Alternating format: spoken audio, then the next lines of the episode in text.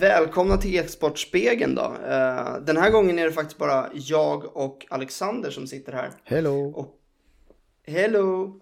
Och uh, varför det är bara vi som sitter här, det är för att vi kom precis nyligen hem från Göteborg där vi har uh, gästspelat lite på Vetenskapsfestivalen. Um, och vi höll i två programpunkter där uh, som var om e-sportprestation och uh, om e-sport är en idrott. Uh, men, men du kan väl berätta lite om vad, vad Vetenskapsfestivalen är då? vad säger du om det Alexander? Ja, absolut. Jag tänkte jag drar lite hisspitchen och då är det så här. De, de säger varje år sedan 1997 så har de skapat liksom ett den här internationella vetenskapsfestivalen och den tycker de det är en mötesplats för kunskap, inspiration och nya perspektiv. Ehm, de gillar liksom att presentera vetenskap och på kreativa och oväntade sätt säger de och i genomsnitt så brukar de ha ungefär 70 000 besök på festivalen. Och jag mm. tänker mig att ehm, då är det nog både fysiskt och eh, online. Ja, jag såg att, jag såg att de skulle köra eh, både och från och med nu. Att de har fått lära sig mycket av, av att få öva med de teknologierna som de använder nu, Corona online då. Mm. Så att eh, jag tror att det kommer bli, de kommer fila på den tekniken mer framöver. Men det känns ju rimligt. Eh, de säger också att det här innebär att då är de ju ett av Europas ledande populärvetenskapliga evenemang. Det låter ju ganska stort. mm. Det... De, de, lät, de lät sjukt eh, ambitiösa i introduktionen. Jag kollade faktiskt på introduktionssnacket och eh, de vill ju få med, eh, de vill ju att folk ska söka sig till högre utbildning eh, på grund av det mm. Jo, det var många spännande namn. Ja, absolut. Och, det... Men vi var väl mest spännande Absolut, vi var de två största kändisarna där eh, som alla ville lyssna på bästa föreläsningarna. Så det vi har gjort nu då är ju att eh, vi har egentligen eh, valt att eh, ta med eh, våran, eh, våran föreläsning, eh, eller först samtalet då eh, med eh, Kalle Jonasson eh, och med i podden då. Så att eh, de får ta del av det här. Och e-, eventuellt, eller och, och sen senare då, så ska vi ha det andra, våran föreläsning, där främst du pratade om Eh, Eh, e-sportprestation. Låter det korrekt? Eller? Ja, jo men det stämmer bra. E-sport, e-sportprestation kallade det för och sen pratar vi lite kost och träning, idrottspsykologi, lite återhämtning. Vi försökte liksom trycka in så mycket som möjligt egentligen på de här 45 minuterna för att skapa någon sorts introduktion kring hur man kan tänka om sin e-sportsprestation. Precis, jag tror nästan att vi ska se det som en, en kort sammanfattning av vad man kan tänka på eller vilka spår man kan nörda ner sig i när det kommer till e-sportprestation. Men, men, eh, men att egentligen podden kommer ju funka som en fördjupning i sig. Eh, flera avsnitt som man kan söka sig till här i podden. Mm. Jag tänkte bara, jag drar en liten snabbis för eh, nu kommer ni få höra ljudupptagningen från den här eh paneldebatten, eller vad man ska kalla det för, snacket, samtalet. Eh, och vill man egentligen se det här i bild, då går man in på vetenskapsfestivalen.se. Så har de en liten flik som heter för alla, så får man klicka ner på program och då kan man söka på e-sport. Och då kommer det egentligen, jag tror att det bara kommer upp fyra stycken alternativ. Två utav dem är är e-sport en idrott och eh, e-sportprestation. Vad säger forskningen? Det är de två programpunkterna där vi deltog. Just det. Och vi var den första den dagen eh, egentligen som hade med e-sport att göra. Den andra eh, programpunkten eh, på lördagen eh, om man, om, man, tittar på hemsidan. Mm. Ja men toppen då. Ska vi rulla igång eh, klippet eller känner du att du vill tillägga någonting? Ja, jag vill ju tillägga lite mer vad vi pysslade med i Göteborg. Var det inte det vi sa? jo, i och för sig. Vi träffade ju några riktiga, ja, det kan, vi kan klippa bort det här Viktor.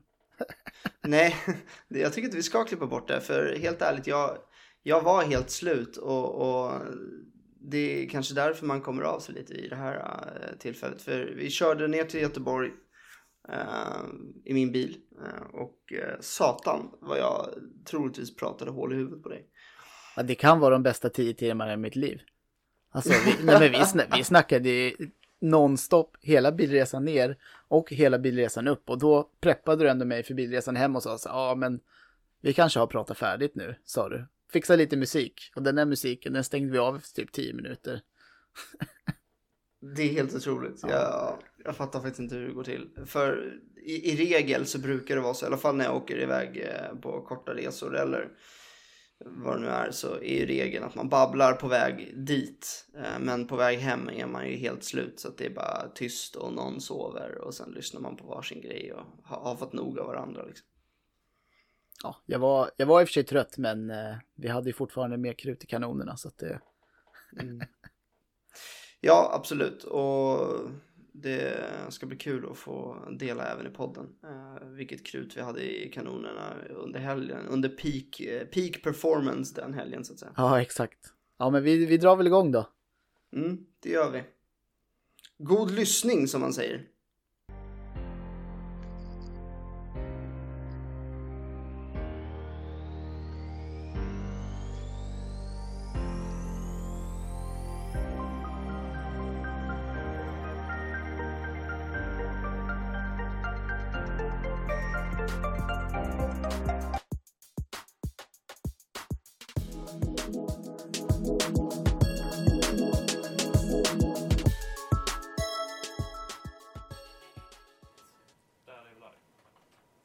Satan vad kul. Då är vi här då, i Göteborg. Ja, nu är vi igång. Mm. Um, vi ska prata om e-sport. Uh, och vi är här som representanter för e-sportförbundet. Stämmer. E-sportförbundet SESF. Mm. Rättare sagt. Och uh, med oss har vi uh, Kalle Jonasson, en forskare på Halmstad högskola. Nej, man säger högskolan i Halmstad, eller hur? Yes, det gör man. Mm. Kul att se dig. Vi har lite samma handledare och, och ja, tittar lite på eh, sport generellt, lite likadant. Jag läser Latour till exempel. Så. Wow, mm. vad kul! Ja. ja, då får vi verkligen eh, tillfälle att prata någon mer gång. Mm. Och... Men nu ska vi snacka om, om eh, e-sport är en idrott, tänkte vi.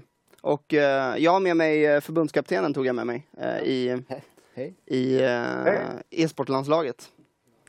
Så vad va, va säger du? Jag tänker vi tar avstamp där. Är e-sport en uh, idrott? Eh, min, uh, vår gemensamma handledare Bosse där i uh, Bosse Karlsson, han sa ju när jag la fram min uppsats 2005 i, i Malmö, där jag kallade det e-sport för informationssamhällets idrott, frågetecken, så sa han att ah, men det där är ju en det är en sport, Kalle, men det är ingen idrott. Så eh, det är ju ett sätt att, att börja diskussionen, att man funderar över vad är skillnaden mellan sport och idrott. Mm. Och, så, mm, och en intuitiv förståelse av sport brukar vara att det, är, att det innefattar tävling medan en intuitiv förståelse av idrott brukar vara att det innefattar Eh, ett högt grad, en hög grad av, av fysisk ansträngning. Mm. Så det skulle kunna vara ett sätt att, att börja diskussionen. Ehm, och jag tycker att idrott är ett väldigt specifikt, ehm, ehm, en, en väldigt specifik term som, som, som, är ganska, som har ganska mycket ideologi kopplat till sig. Den är ju väldigt specifik för våra Eh, våra skandinaviska länder. Det är ju en term som för, förekommer i, i de nordiska språken mm. och kommer från betydelser som bedrift och handling, mm. hantverk, någonting idogt, mm. en insats. Mm. Och det, det, och det, är, det, är, det är ju verkligen e-sport, det är ju verkligen, kräver ju verkligen en insats. Så ja, självklart. Mm. Ja, men... ja, det tänkte jag bara säga. Jag, jag tycker ändå att jag har hört att eh, det säger man att ja, men just uttrycken eh, sport och idrott är väldigt nordiskt. Men finns det någon motsvarighet på andra sporter där man faktiskt segregerar mellan sport och idrott? Eller är det något typiskt svenskt att man har bestämt sig för att man ska dela upp de här uttrycken? De är ju typiskt nordiska. Eh, den här diskussionen är ju typisk för Norden eftersom vi, har, vi gör en distinktion mellan, mellan idrott och sport. Det finns ingen direkt motsvarighet i, i, eh, i andra länder för att det är ett, ett väldigt specifikt begrepp för den här regionen. Men eh, man gör ju skillnad på, eh, på andra ställen så mellan till exempel motions recreational sports säger man i, i till exempel i, i, i den anglosaxiska världen och det skulle kunna vara ett något motsvarande. Så, men, och sen så finns det ju det finns ju, frågan tänker jag är, vem vill man bli kallad sport och idrott och varför? Jag tycker det är kanske en, en, en bättre utgångspunkt. Mm. För att om vi, om vi stannar vid det, vid det lexikaliska definitionen så, så kommer vi egentligen aldrig att, eh, att komma fram eftersom de här innebörderna också ändras över tid. Precis, alltså jag ser ju lite som idrott och många andra ord. Det är ju som processer som förändras beroende på hur kulturen förändras. För att jag menar, språk är ju ändå bara en förlängning på den kulturen som man sätter språket på. Uh, och, och, och, med det sagt, den här förändringen som sker så fort nu när det kommer till e-sport, uh, det, det, är ju någonting som kommer sätta sin prägel på språket. Uh, så att Eh, och, och, för oss eh, som jobbar för e-sportförbundet så blir det här ju snarare eh, lite käppar i hjulet för att liksom kunna börja samarbeta med olika organisationer. Eh, och, och, det är väl egentligen därför vi eh, är jäkligt intresserade av frågan. Eh, men vi har ju vridit och vänt på det hela tiden för någonstans så vill man ju också göra eh, eh, rättvisa val och inte hålla på och och trycka på någonting som inte känns naturligt. Men, men eh, vi har ju vridit och vänt på det här i några år nu. Eh, eh, du har ju varit engagerad som, som förbundskapten här ett tag och, mm. och det är en relevant fråga att, att fundera på. Men, men... Vad har ni kommit fram till, ni som har vridit och vänt på det? Ja, ja. Det är svårt. Alltså framförallt så här, det, det som min ingångspunkt är så här, det, det här är ju någonting vi gör, det är någonting vi presterar i, men det är väldigt oklart var gränsen skulle gå ja, men så här, när, när får den här prestationen inte räknas som en sport eller som en idrott? Och jag menar, det, det känns som att det viktigaste när det kommer till den här definitionen, det handlar väl egentligen i, inför den här debatten med Riksidrottsförbundet. Mm. För, för dem är det väldigt viktigt hur det definieras. Men för mig som coach så tycker jag så här, ja men det här är ju någonting man eh, presterar i, det här är någonting man kan påverka och där tänker jag att om man inte skulle kalla det för idrott eller sport, då känns det som att då respekterar man inte ens att det är någonting man kan prestera i. Mm. Eh, och för egen del så, så ja, särskilt om man läser Latour då, så handlar det väldigt mycket om hur mycket av teknologierna tar plats i, i eh, olika typer av tävlan eller lek beroende på hur man ser på det. Och eh, det här är ju någonting som utvecklas inom alla områden i samhället. Allting blir mer digitalt och eh, då blir det relevant också att, att se på eh, vad vi har för liksom, relation till eh, teknologierna och vad är det för uttryck som, som görs genom teknologierna. Och det är där jag tycker det blir intressant för att eh, oavsett om eh, en, en, en, kraft från det traditionella eh, då tycker att det är viktigt att, att eh, man håller kvar vid det traditionella så ser man ju i historien att det har väldigt sällan blivit utfallet att vi stannar här. Ehm, så, så lite så ser jag på det. Vad, vad tänker du? Eh, jag tänker en massa saker här. uh, och, och, en sak som jag tänkte i morse det är uh, att det är väldigt mycket en organisatorisk fråga. Mm. Uh, för att vi, vi, bara tar exemplet. Vi, vi låtsas att jag är en fotbollsspelare. Jag tycker det är roligt att spela fotboll men mm. jag har inte spelat på någon högre nivå än division 6. Mm. Men i vilket fall.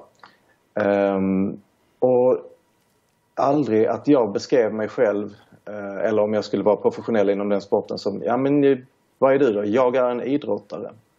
Nej, man är ju en fotbollsspelare. Mm. Man är ju den enskilda sportens, det är ju den kulturen som man eh, bidrar till och som man räknar sig till. Eh, så det, det tycker jag, den diskussionen har inte förts i, i så stor utsträckning hur mycket det här är en organisatorisk fråga. Eh, att eh, e-sportarna kanske inte säger, ja men jag är en e-sportare eller en cyberatlet som också var ett sånt där begrepp som användes i, på, eh, i början av 2000-talet. Mm. Utan man, man kallar sig säkert olika, olika saker men gamer eller pro-gamer var ju något, ett begrepp som man använde sig av. Mm. Kallar ni er själva för, för e-sportare till exempel i ert utövande? Eh, jag utövar inte e-sport så mycket längre. Eh, jag har en historik att ha gameat. Jag spelade ganska eh, mycket CS när jag var yngre och var ganska duktig på det. Sen på senare har jag mest för roligt spelat lite Dota, men jag har nog inte rört det spelet på över ett år. Så, så jag kallar mig nog inte gamer eller e-sportare just nu, men, men däremot så har jag idrottat väldigt mycket och jag, jag vill jobba med det definitivt, för jag, jag ser att det är mycket som behöver göras. Uh, men du gamer lite mer. Mm. Vad, alltså jag skulle du? nog så här, uh, jag kallar mig själv för gamer och när jag pratar lite mer casual skulle jag kalla det för gamer. Men i mer formella sammanhang då tror jag att du nog använder e-sportare eller e-sportsatlet. Mm. Uh, mer liksom för att få in det i kontexten av att vi, vi tävlar och vi presterar och um, ja, men framförallt när jag pratar om landslaget. Liksom. Det, då... ja, men du har ju haft hand om landslaget mm. um, och pratat mycket med de som har ingått i landslaget. Va, mm. Vad säger de? Vad kallar de sig själva? Hur identifierar de sig? Ja, jag tror nog att de flesta, ja, alltså det övre paraplyet, det skulle nog vara gamer tror jag. Mm. Uh, och sen så kanske man snarare identifierar sig som Dota-spelare mm. eller liksom uh, LOL-spelare eller C-spelare. Mm. Och Sen så finns det en nivå till. Ja, men jag är support. Alltså, mm. så här, eller jag är AD carry. Alltså, mm. Så det beror kanske på i vilken mm. kontext eh, de befinner sig. Eh, ja. Vilken av de här termerna de använder. Om vi refererar tillbaka till, till fotbollen då så blir det ju så här, istället för back så, så är man position fyra eller ja, om man är den som eh, snipar mest mm. så är man snipern i laget. Um, men, men, men jag vill gå tillbaka till det där för att jag tycker det är jäkligt intressant just att nu har vi pratat, skaffat ett nytt paraplybegrepp som heter e-sport. Men precis som du säger, det, det är väldigt få som kallar mig, jag är idrottare eller eh, troligtvis så, för jag ser olika kulturer beroende på vilket spel du håller på med. Så troligtvis så har vi bara ett paraplybegrepp, men det är väldigt många olika kulturer därunder. Uh, du var ju på Korea förresten, uh, tillsammans med mina kollegor på e-sportförbundet. Va, vad, obs vad observerade du där? Det var en eh, häftig resa. Vi var ju på det här internationella e-sportsförbundets eh, summit, Global Summit eh, 2019 i en väldigt avlägsen tid nu. Eh, det var innan Corona. Eh, men eh, så att det är lite blurrigt för att det också var väldigt mycket intryck. Men eh, det som jag märkte där var att i de internationella eh, förbunden eh, var väldigt Ehm, de, var liksom, vad ska man säga, fast i en, en rävsax kan man säga. I, eh, I de dilemman som de presenterade på i diskussionerna så var det eh, dels vi vill vara en del av våra nationella förbund och alla de eh, variationer som, som man kunde märka i, i, de, eh, i den ambitionen och i de anspråken. Dels eh, var de Eh, ville de eh, hävda sig i förhållande till, till, the, till intellectual property eh, i form av de olika spelens eh, varumärken och rätt till spelen. För det är ju det som är en av de absolut, absolut största skillnaderna.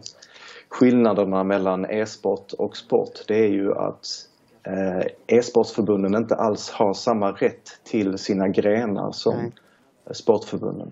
Så det, var min, det är nog min huvudsakliga observation från det mötet. Att det är tufft. Det, alltså det är en jätteintressant observation, för det är någonting som vi märkt nu eh, när vi har eh, samlat ihop till en ansökan till Riksidrottsförbundet så, så har vi också insett att precis som du säger så är det ju väldigt svårt att hävda att vi äger sporten. Mm. Alltså, eh, och det är nästan så att liksom, om en e-sport blir en grej och, och, och någonting blir en annan och då, eh, då kommer vi in och, och, och alltså, gamla regler är svårt att matcha i den nya världens kulturer och hur, vi, hur det utvecklar sig. Och eh, då försöker man ändå liksom få det att eh, eh man, man försöker prata språket eh, av, eh, av, idrotten. Men vi är också idrottare så vi har inga problem med det. Vi har också studerat idrott båda två, är idrottsvetare. Så eh, det, det, är, det, det är någonting som inte stämmer här. Jag skulle nästan säga nästan kund. Det börjar bli lite mycket anomalier här. Um, mm. och, och, det tycker jag är väldigt intressant. Uh, upplever du, precis som jag, att det börjar bli så pass mycket anomalier så att vi, vi nästan kan säga att vi håller på att gå in med, i ett nytt paradigm? Ja, det beror på vad du menar att det gamla paradigmet eh, skulle vara. Är det då eh, den traditionella idrottens organisering?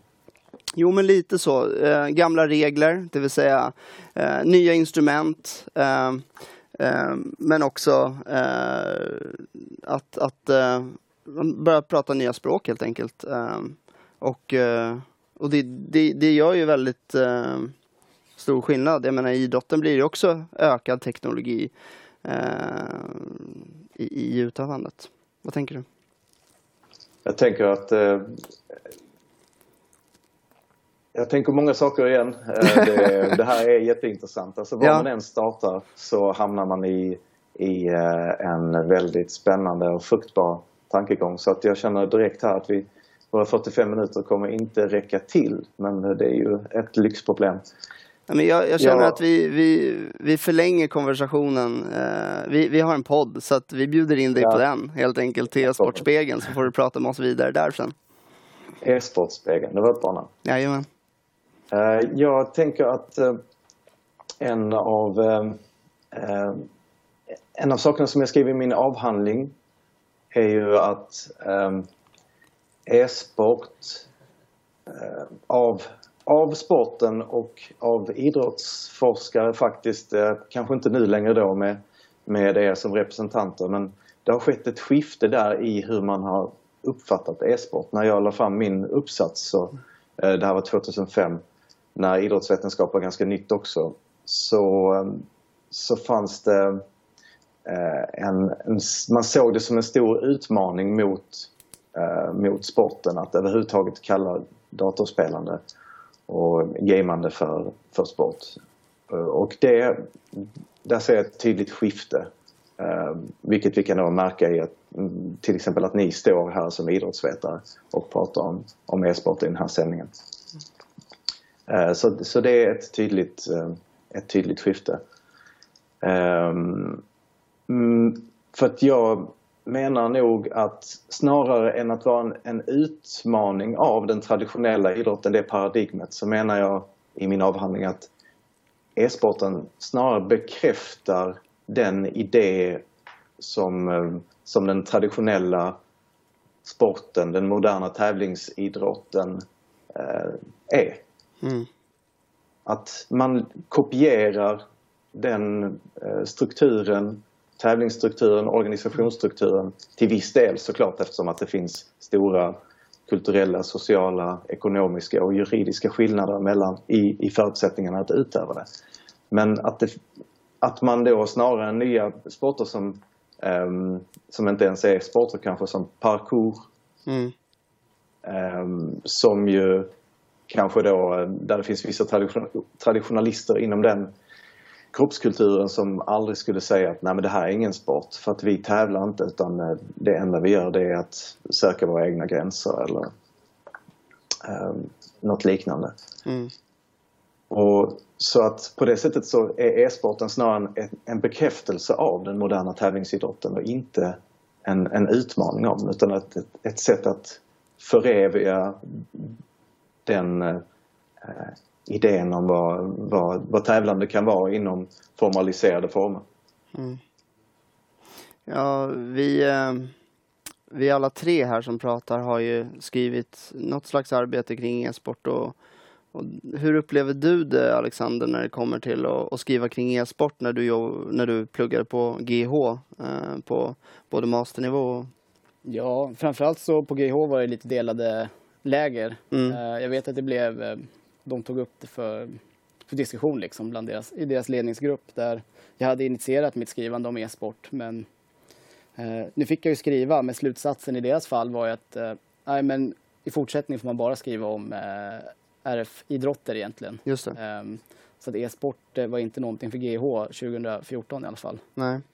Ehm, jag tror att de har börjat intressera sig för det lite mer. Alltså de har ju kollat och vad är det för studier de har gjort på senaste tiden, men de kollar ju lite kognitiva kapaciteter i förhållande till fysisk aktivitet så att de börjar närma sig men eh, ja, de har varit lite så här skygglapparna på när det kommer till gaming och jag vill ändå påstå att eh, ja, om vi ska utgå ifrån att det här är nästa generations liksom, eh, kids, idrottsutövare, alla kommer gamea då tänker jag att då vill man ju vara på bollen ganska tidigt och mm. engagera sig i vad pysslar de med liksom? Hur kan vi bidra med hela idrottsrörelsen och den kulturen vi har och de erfarenheterna vi har, liksom det som vi redan har fått med oss. Mm. Um, och sen hur kan vi hjälpa nästa generations ungdomar, utövare um, och liksom få ett bra avstamp i deras eh, karriärer. Um, oavsett om det är e-sport eller om det är fotboll. Men liksom, jag tror att nästa generations föreningsliv kommer säkert kanske inte vara specifika föreningar heller. Det kanske kommer vara några hybridföreningar. Exakt. Att man håller på med lite gaming och lite fotboll och det är mer en samlingspunkt. Eh, sen kommer det såklart finnas mer specifika för är det någonting som vi har märkt, som jag vet att eh, idrottsforskningen upptäcker nu, är att eh, sedan 12-13 år tillbaka så har de haft väldigt svårt att hålla kvar medlemmar i föreningslivet. Och det är ju också ett problem vi möter. Eh, och, och ehm, ju mer flexibel man är då och kunna se, följa utvecklingen eh, så, så desto enklare är det att lösa de problemen. Jag tänker på Eh, Bosse till exempel, vet jag, Bosse Karlsson, vår gemensamma handledare, eh, du från för jag just nu, ehm, föreslår ju att, att man breddar idrottsvetenskapen och använder det som ett litet laboratorium eh, för samhället i stort. Va, vad tänker du kring det? Jag har tänkt mycket på, på idrotten som ett, ett fenomen och bland annat då som ett, ett laboratorium för Ehm, eller som en spegling av samhället eller det är den typen av, av liknelser och metaforer som, som eh, man lätt hamnar i, i ehm, när man går in i samhällsvetenskaplig eh, idrottsforskning. Och jag tycker att idrotten är ett väldigt fascinerande, idrott och sport är ett väldigt fascinerande mm, fenomen i, i våra samhällen. Den, den säger någonting, den säger många olika saker och den säger väldigt spännande saker om oss själva.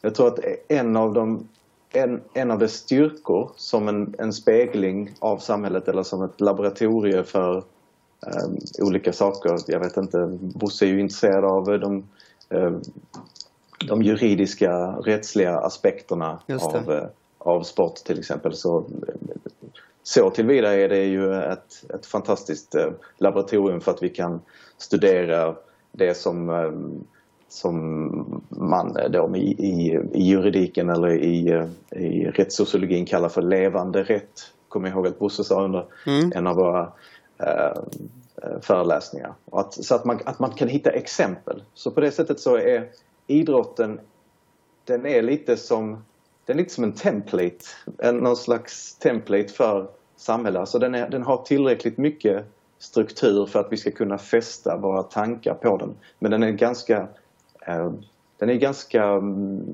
den är inte mättad på innehåll. Om du ser, ta en, en fotbollsplan till exempel, så är den det är en väldigt stor plan yta och det är inte så många människor på den. Och det är inte så många saker Eh, förutom människor som rör på sig. Det är den här bollen som, som vi kan följa med ögonen. Så det är tillräckligt mycket detaljer för att det ska bli något dynamiskt. Men det är tillräckligt lite detaljer för att vi ska kunna fylla det med, med vilket innehåll som helst. Så därför så tror jag absolut att, det är, att idrottsvetenskapen och samhällsvetenskaplig idrottsforskning kan använda sig av, eh, av sport och idrott som laboratorium eller eh, metafor för, för mänsklig samvaro, för samhällens framväxt och utveckling och dynamik. Där, där tänker jag direkt på just eh, apropå den eh, forskningen som har gjorts just kring idrotten så, så märker man ju att kommersialiseringen är ju någonting som ökar. Och då när det kommer till e-sport, där ser vi ju verkligen Eh, att den har ju nästan, den började ju med kommersialisering till skillnad från sporten där till och med landslagsspelare i, i eh, fotbollen, eh, de fick väl kanske någon, någon korv som belöning för att ställa upp i landslaget till en början. Eh, för att det var ju en, en social företeelse, inte någonting man fick pengar för direkt. Eh, så föddes ju mycket av, av den sporten, idrotten vi ser i Sverige. Men till skillnad från e-sporten då som som mer eller mindre föddes eh, i, i det kommersiella. Eh, vad tänker du kring, kring det? Eh, om man tänker skillnaden e-sport och, och idrott? tänker två saker där och en är från ett utövarperspektiv, en annan är då från liksom något mer eh, från ja, ett kommersiellt eller från ett näringsperspektiv. Och om man ser det från ett utövarperspektiv så tycker jag snarare att det är tvärtom. Om det är någonting som ehm, e-sportrörelsen har visat, alltså gräsrotsrörelsen, utövarna, alla de här som har upprättat ehm, eh, kört källarlan eller varit ute i garaget och, eller på, suttit på sina campus och eh, eh knypplat ihop eh, sina skärmar eh, så är det att det, det finns en väldigt stark eh, gräsrotskultur. Alltså det finns ett stor, en stor kunskap hos denna kultur. Det finns ett stort driv eh, att man ska att man har rätt till den här kulturen, att man ska få träffas. Um, så på det sättet så, så tycker jag att eh, man har fått verkligen kämpa.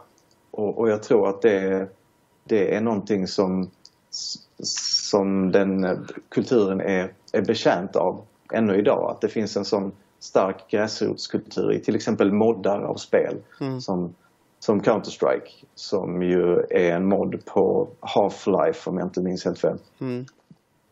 Um, Alltså ett helt spel, en av e-sportens viktigaste grenar, kommer i sig från gräsrotskulturen. Ja. Eh, så på det sättet så, så, så är det ju verkligen inte...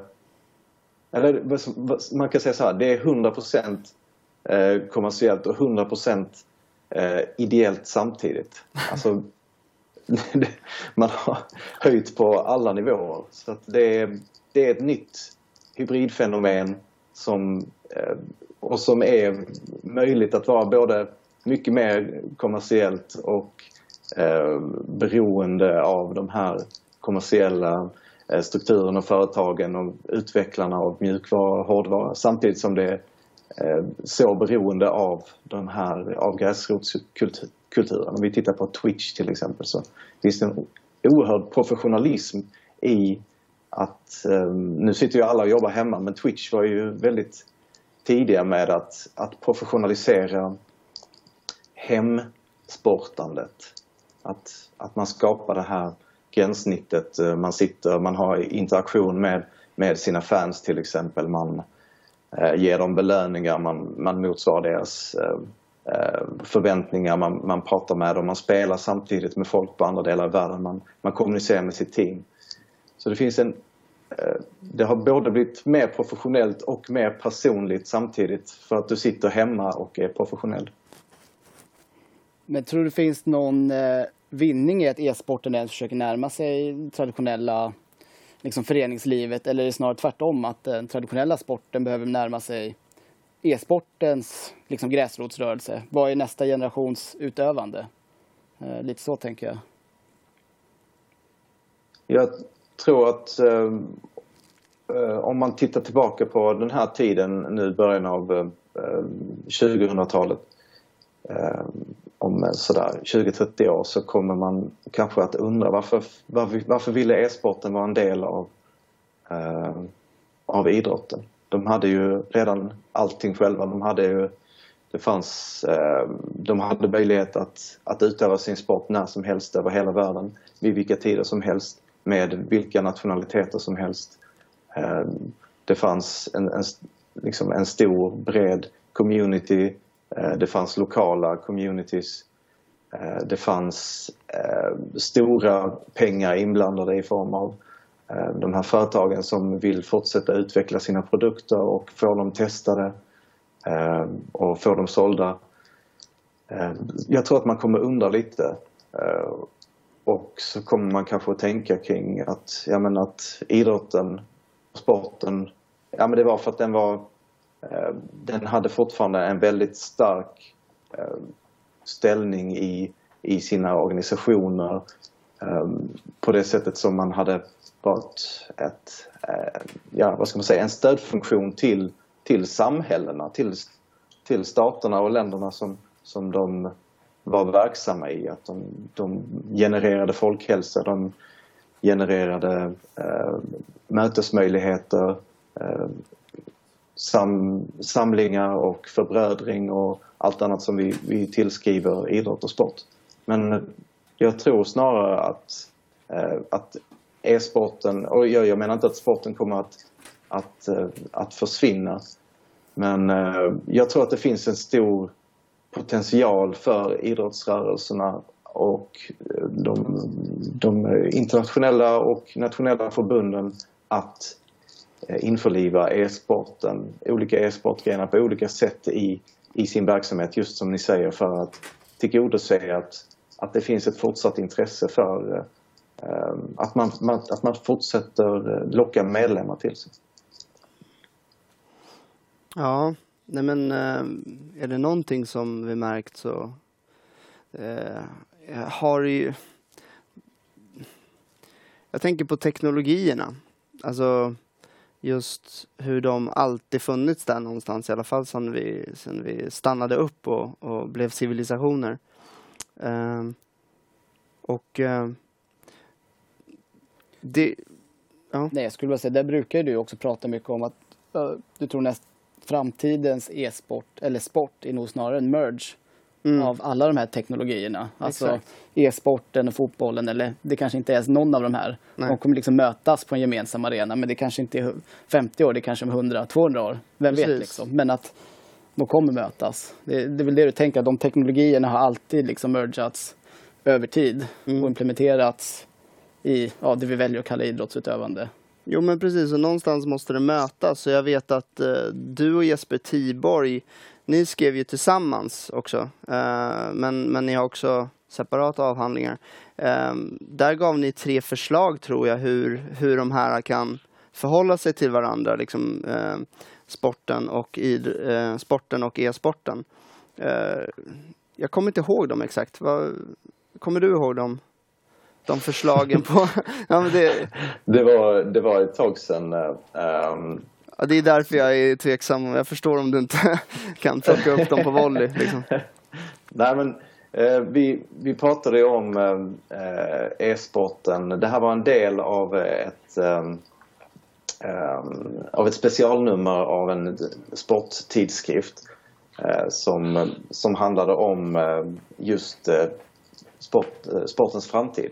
Så, så det var liksom en, ja, det var en, en, en, en framtids forskning mm. som, vi, som, vi, eh, som vi gjorde där. Och om man ser på eh, på vad vi är nu så tänkte vi att ja, men vi kommer nog att se eh, e-sporten kommer först, och det är den fasen vi är i nu, att ses som någon slags motkultur, någon slags subkultur och som, som på viss, den ses som, en, som ett hot och som en subkultur eller en motkultur nu för att den just eh, för att vi fortfarande är i en position när vi tänker att idrott och sport är nyttigt mm. medan dataspelande och stillasittande och, och, allt som man har tillskrivit den att det är asocialt och att det är eh, det är misogynt och allt det där. Mm. Eh, det är den fasen som vi kanske fortfarande delvis är i nu. Eh, men jag skulle vilja säga att sedan vi skrev den här 2010 så har vi nog gått över i eh, lite i nästa fas. Jag tycker vi kan se det på olika sätt. Och att ni som idrottsvetare och förbunds, i, i förbundsstyrelsen för e-sportsförbundet eh, har kommit långt i era ansökningar till, till Riksidrottsförbundet. Det är ett exempel på att vi är inne i nästa fas som, som är att vi är eh, e-sporten är som en, en del, börjar bli som en del av eh, sporthegemonin kallar vi det tror jag, sporthegemonin. Mm. Ja, alltså sportens eh, vad ska man säga, dominanta eh, position som, som en legitim fritidssysselsättning när man, där man tävlar. Mm. Men ehm, eh, sen så hade vi också en tredje fas som, som, vi, eh, som vi kallade för ehm, e-sporten som den framtida hegemoniska sporten då. Eh, och där tänkte vi att ehm, då visste vi inte vad som skulle ske idag men vi, vi kunde ju ändå göra vissa eh, förutsägelser och det är ju att till exempel eh, miljökrisen mm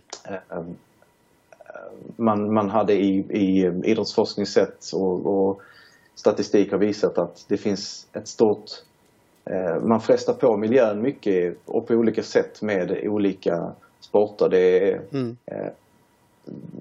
inte bara med liksom, de man kan, man kan se på OS till exempel hur, vilka resurser det kräver för att kunna anordna ett OS och all infrastruktur som måste upprättas och sedan, sedan allt resande mm. eh, som, eh, som hör till den här sport, globala sportturismen. Eh, och där så såg vi att ja, e-sport hade verkligen möjlighet att, eh, att vara någonting som, som framstod som ett bra alternativ miljö, miljömässigt till mm. sport. Mm. Men, men också säkerhetsmässigt om man ser eh, riskfyllda sporter som, som motorsport till exempel. Mm. Eh, att då tävla i simulatorer istället skulle ju kunna vara ett alternativ som, eh, som minskar skadorna bland utövarna. Och den typen av eh, detaljer. Det här är jätteintressant eh, när det kommer till liksom, de möjligheterna som finns. Och särskilt om man liksom, till och med kan börja prata om att spara in på klimatet så tror jag väldigt många kommer börja lyssna. Eh, men, men nu har ju du eh, lite smått ändå liksom så här, kollat på processer, kanske siat lite om framtiden. Men för att kunna göra det måste man ju förstå sig lite förstå lite om, om historien och bakgrunden till det. Eh, och då blir jag lite intresserad av, eh, för du, jag vet att du har ju Eh, tittat lite på romarna eh, eh, när det kommer till, som en jämförelse för dagens e-sport. Vad, vad, vad, är det du har hittat där? Vad är det du har sett för, för likheter? Liksom? Ja, det här är ju från en artikel som jag publicerade i en idrottsfilosofisk tidskrift för några år sedan. Och den bygger på, den, på en väldigt enkel idé, en tankelek. Eh, och som i sig eh, tycker jag är väldigt spännande eh, att tänka på i förhållande till idrott. Och det är det här eh, idén som, eh, som eh, i slutet av 1800-talet eh, dök upp hos en, eh, en, eh, en viss fransk eh, potentaten baron Pierre de Coubertin som i antikens idrott fann någon slags lösning till hur ska vi skapa förbrödring mellan eh, folken i, i, och länderna i, i vår krigshärjade värld. Um, som, um, som ju då i slutet av 1800-talet um, präglades av en mängd olika uh, konflikter mellan de här nationerna som hade upprättats några hundra år tidigare. Så de, att då på något sätt implementera en, en olympisk anda som, som han hittade i, i eh, det antika Greklands olika eh, republiker och stater eh, i den moderna världen skulle kunna vara, framstå som en lösning. Det vill säga han fabricerade, eh, tog ett historiskt exempel och säger så ska vi ha det nu. Eh, för att skapa fred och förbrödring. Att vi tävlar eh, sinsemellan i, under de här lekfulla eh, organiserade formerna där vi jämför våra, våra främsta eh, atleter eh, istället för att slåss då. Så det är ju en, i sig bygger ju idrotten på en väldigt eh, eh fabricerad idé om eh, om, eh, om sport och idrott som plötsligt, som plötsligt eh, introduceras i ett samhälle. Och då tänkte jag att ja, men kan idrotten och sporten hitta ett, ett förflutet i antiken bara sådär helt plötsligt eh, med 2000 års mellanrum så borde väl e-sporten också kunna hitta det. Så det är tankeleken. Men vad skulle då kunna framstå som en förlaga till, till e-sport ungefär som de eh, antika olympiska spelen framstod eh, för den här Baron de Coubertin som en antik förlaga till, till en modern tävlingsidrott. Eh, tittar man i antiken så, så kännetecknas ju de eh, tävlingar eh, som ägde rum inte i eh, Aten och i Grekland och Sparta och i Olympia Eh, utan i Rom så präglas de av någonting delvis annat än, än, än det vi ser i, i de olympiska spelen. Eh, och de formerna som, som dök upp eh, i, i den romerska sporten, om vi kan kalla den så, där finns det en mängd intressanta punkter som stämmer överens med, med e-sporten. Så i artikeln så skriver jag fram, Eh, fram eh, e-sporten eh, som en slags arvtagare till, till eh, de här spektaklen som ägde rum vid, vid Colosseum och eh, Circus Maximus.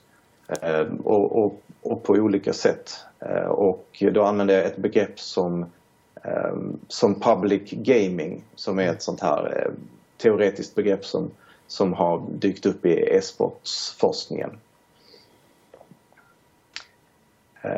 Public gaming är en del av, av diskussionen i e-sportsforskning.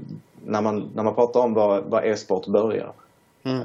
så, så säger man ibland att ja, men det började med att vi Eh, att World Wide Web blev offentligt 1989 och att eh, en mängd eh, teknikstudenter på amerikanska campus ehm, upprättade sina LAN. Det, det tänker man att det här, det här är början till, till e-sporten, början av 90-talet. Men så finns det då andra forskare som har skrivit fram att nej, men det fanns tävlingar i, i eh, dataspel innan Eh, i, i gaming. Och eh, så går man tillbaka till början av 80-talet eller slutet av 70-talet när det fanns, eh, när man hade stora festivaler när man tävlade i arkadspel.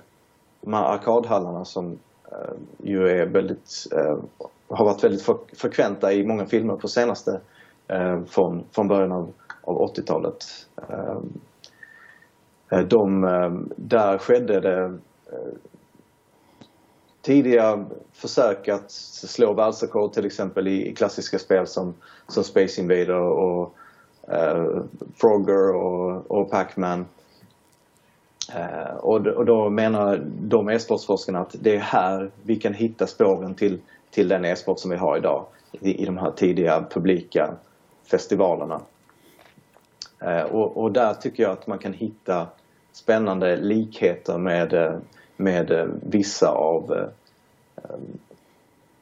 de här kamperna och spektaklen som ägde rum i det antika Rom. Ja, eh, tyvärr så kommer vi snart börja runda av, men jag tycker det är någonting som var väldigt intressant eh, när det kommer till dina grejer, det är just att eh, du målade upp en bild av den första handkontrollen. Eh, yes. Vad, vad, vad, beskriv den. Det är en, eh, I den här artikeln så um, vill jag på något sätt hitta... Alltså det finns en stor skillnad mellan, den, mellan e-sport och sport och det finns en stor skillnad mellan den grekiska och den romerska sporten. Mm. Och de, den stora skillnaden det är var, var finns, um, vad finns det för värde? Var finns värdet någonstans? Mm. Uh, och i den antika grekiska sporten så var, fanns värdet hos den som utövade. Att vara en deltagare, det var det som var, var det värdiga. Det, Medans i den romerska sporten så var, låg det värdiga i att åskåda, att vara en betraktare som då, som just som, som vi pratade här om innan, satt och spekulerade över livet och döden och existensen och eh, filosoferade från åskådarplats. Just det. Så, och det tycker jag är någonting som, som liknar den eh, skillnaden mellan e-sporten och, och sporten också att är man en e-sportutövare då är man också en, en åskådare av, av spektaklet eftersom du åser dina egna prestationer på en, en skärm framför dig. Mm. Um, men det handlar ju om att påverka det som händer på, i spelrummet. Det är det som um, är, är, det viktiga i, i e-sport. Att du lyckas exekvera handlingar på dina kontroller, på ditt tangentbord um, för att påverka det som händer på skärmen så att det blir ett, uh, ett, ett för dig fördelaktigt uh, slut och utkomst. Och då fann jag i den här eh, gesten som de gamla eh, eh, kejsarna eh, utförde på arenorna på Colosseum när gladi gladiatorerna eh, kämpade. Eh, det skulle man kunna se som historiens första eh, handkontroll eftersom det är ett eh, en, eh, en manöver som du gör utanför spelrummet men som påverkar utkomsten på arenan. Mm. Ja, det är helt fantastiskt och eh, tyvärr så måste jag göra så här nu och döda stäm, eh, sändningen. eh, så eh, vi använder oss av den handkontrollen och tackar för oss, eller hur Kalle? Ja, tack så hemskt mycket. Jag tar mina dubbla. Mm, tack så hemskt mycket. tack. Och tack till er, er, som tittade. Ja, då har vi lyssnat på när Kalle Jonasson blir eh, samtalad på av oss Säger man så? Ja, ja vi, har, vi försökte hänga med men uh, han var ju next level. Ja, nej men alltså han har ju uh, forskat lite längre än vad du och jag har gjort. Så att uh, det är helt okej okay att han var next level. Jag, jag, försökte få ut lite mer av, om romarna av han, men vi var ju tvungna att hålla oss inom 45 minuter så det var lite svårt att få med allt. Men, men jag tänker att vi drar med han i podden ett kommande avsnitt. Jag tänker det som är om två veckor så ska vi fördjupa oss lite med Kalle eh, här i podden. Jag har bjudit innan så att eh, vi kommer få med han här framöver. Hur låter det? Ja, det låter bra. Han har väl också tackat ja till den där inbjudan, eller hur? Jajamän, jag får alltid ja. Ja, han lät taggad i alla fall. Han tyckte väl att det var kul när han pratade med dig, det sa han väl efteråt? Ja, verkligen. Han sa ju till och med i en, i en tråd på Facebook att eh, det här är ett slag för idrottsvetenskapen. Ja, då är det officiellt. Absolut. Eh, men avsnittet innan det eh, så tänker jag att eh, vi kommer ha ett avsnitt om Human Computer Interaction eller människa-dator interaktion med Rabi Alawerdi som är en aktiv snackare på vårt eftersnacksforum som man då såklart kan, kan ansöka om, om att komma med i. Eller ansöka, ja det är väl det man gör på Facebook. Ja, ja man bara klickar så säger man vi ja. Man bara klickar så säger vi ja. Mm. Klick. Mm. Så hoppas vi så... på att det kommer in massa sådana genier som Rabi. Exakt. Och det är planen. Så fördjupar vi oss också i diskussioner där. Eh, men, men vad vill du mer säga? Ja, vill du säga någonting ja, om... jag tänker att jag rundar av bara med lite det vi börjar med och tackar Vetenskapsfestivalen för att vi fick haka på och Eh, tacka liksom Göteborgs stad som, som anordnar det här. Det är Göteborgs stad, Göteborgs universitet, Chalmers och, liksom, och Vetenskapsrådet. Allihopa och de har ju gått ihop för det här. Och vill man då hitta till de här eh, föreläsningarna så att man får se i videoformat, då går man in på vetenskapsfestivalen.se. Eh, det finns en liten flik som heter för alla. Så klickar man på program och där kan man söka. Eh, söker man på e-sport, då kommer ni hitta våra två klipp. Det finns bara fyra alternativ. En som heter eh, är e-sport en idrott och sen den andra heter e-sports prestation, vad säger forskningen? Ja, och sen finns det ju också jäkligt mycket annat intressant. Ja, ja absolut. Det finns hur mycket som helst att titta på så att eh, klicka runt. Jag såg, jag såg ett, eh, till exempel forskning kring psykedelika om man tycker sånt är intressant. Ja, ja. Så det, det är hur mycket som helst. Men eh, då så. Då jag tycker att vi, vi tackar för den här veckan.